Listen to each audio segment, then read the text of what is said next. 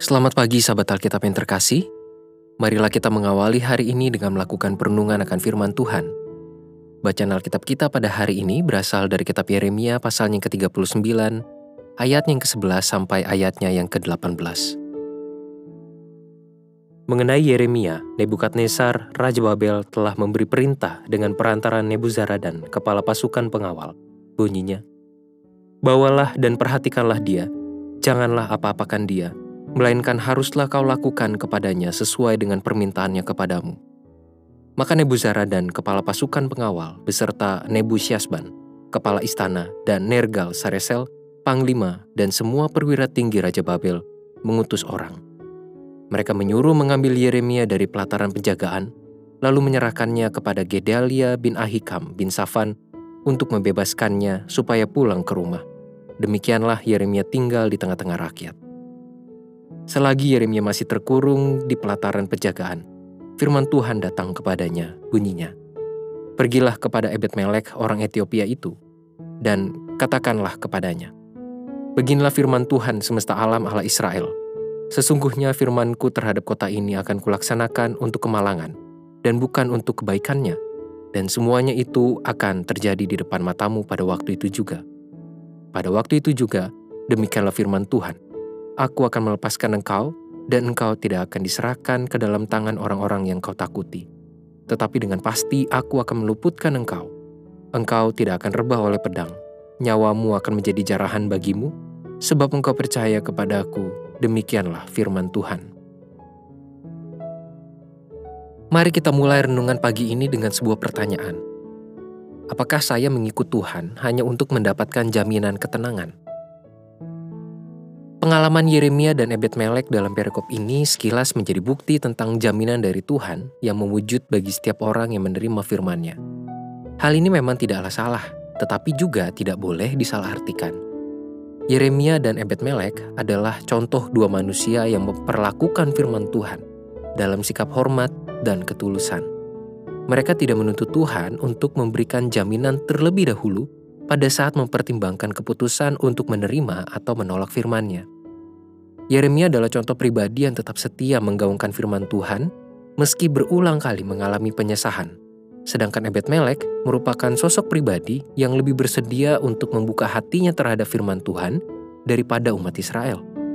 Bagi kedua orang ini, firman Tuhan adalah yang utama dan lebih penting untuk diperjuangkan meski lingkungan mereka menolak. Perikop ini pun telah menjadi bukti tentang pemeliharaan dan keberpihakan Tuhan pada orang-orang benar. Tuhan tidak pernah melupakan setiap hati yang terpaut padanya. Tuhan tidak pernah meninggalkan setiap orang yang berlindung dan menaruh harap kepadanya. Tuhan pun tidak pernah membiarkan setiap umat yang setia kepadanya untuk menghadapi pergumulan hidupnya dalam kesendirian. Sahabat Alkitab, kekeliruan fokus iman dapat meningkatkan potensi kekecewaan kita kepada Tuhan. Memfokuskan iman hanya kepada kenikmatan dari Tuhan akan membawa kita kepada benturan antara harapan dengan kenyataan. Alhasil, di tengah pergumulan yang besar muncullah anggapan bahwa Tuhan tidak kunjung menolong atau menjawab doa-doa yang kita sampaikan. Kita pun mudah kecewa karena jaminan penyertaan dan ketenangan dari Tuhan tidak kunjung tiba Secara khusus, pada saat kita membaca perikop-perikop seperti pemenuhan janji terhadap Yeremia dan Ebed Melek yang kita baca pada hari ini. Padahal dari kisah mereka, kita justru belajar tentang teladan hidup beriman yang berlandaskan ketulusan dan komitmen yang utuh. Mereka tidak mengikut Tuhan karena kepastian jaminan dan penyertaannya, melainkan karena kesadaran bahwa hanya Tuhanlah yang benar dan mereka perlukan. Keselamatan yang mereka dapatkan seperti yang digambarkan pada perikop ini, hanyalah satu momen dari panjangnya pengalaman hidup yang penuh perjuangan iman, mental, fisik, dan komitmen di tengah beragam pergumulan serta jatuh bangunnya kehidupan. Semua pengalaman pahit dan sulit itu pun dapat mereka jalani karena fokus iman yang hanya terarah kepada Tuhan.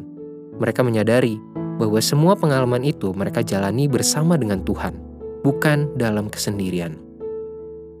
Mereka tidak menuntut Tuhan untuk segera memberikan pertolongan seperti yang mereka inginkan. Lagi pula, bukankah penyertaan, pertolongan, dan jawaban dari Tuhan dapat muncul dalam bentuk-bentuk yang tidak kita bayangkan sebelumnya?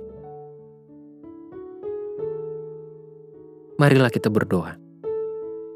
Tuhan di dalam segala keterbatasan kami sebagai seorang manusia, acap kali kami selalu memohonkan jawaban, ketenangan, dan kepastian akan kehidupan di masa mendatang. Tapi tolong kami Tuhan agar iman kami bukan justru teralihkan daripadamu. Jangan kami justru hanya memperhatikan tentang kenikmatan yang asalnya daripada Tuhan, sampai akhirnya kami justru membentuk sikap beriman yang pamrih kepada Tuhan. Tolonglah kami, dan kami bersyukur bahwa kami menjalani kehidupan kami bersama-sama dengan Engkau. Hanya di dalam nama Tuhan Yesus kami berdoa dan menyerahkan kehidupan kami. Amin.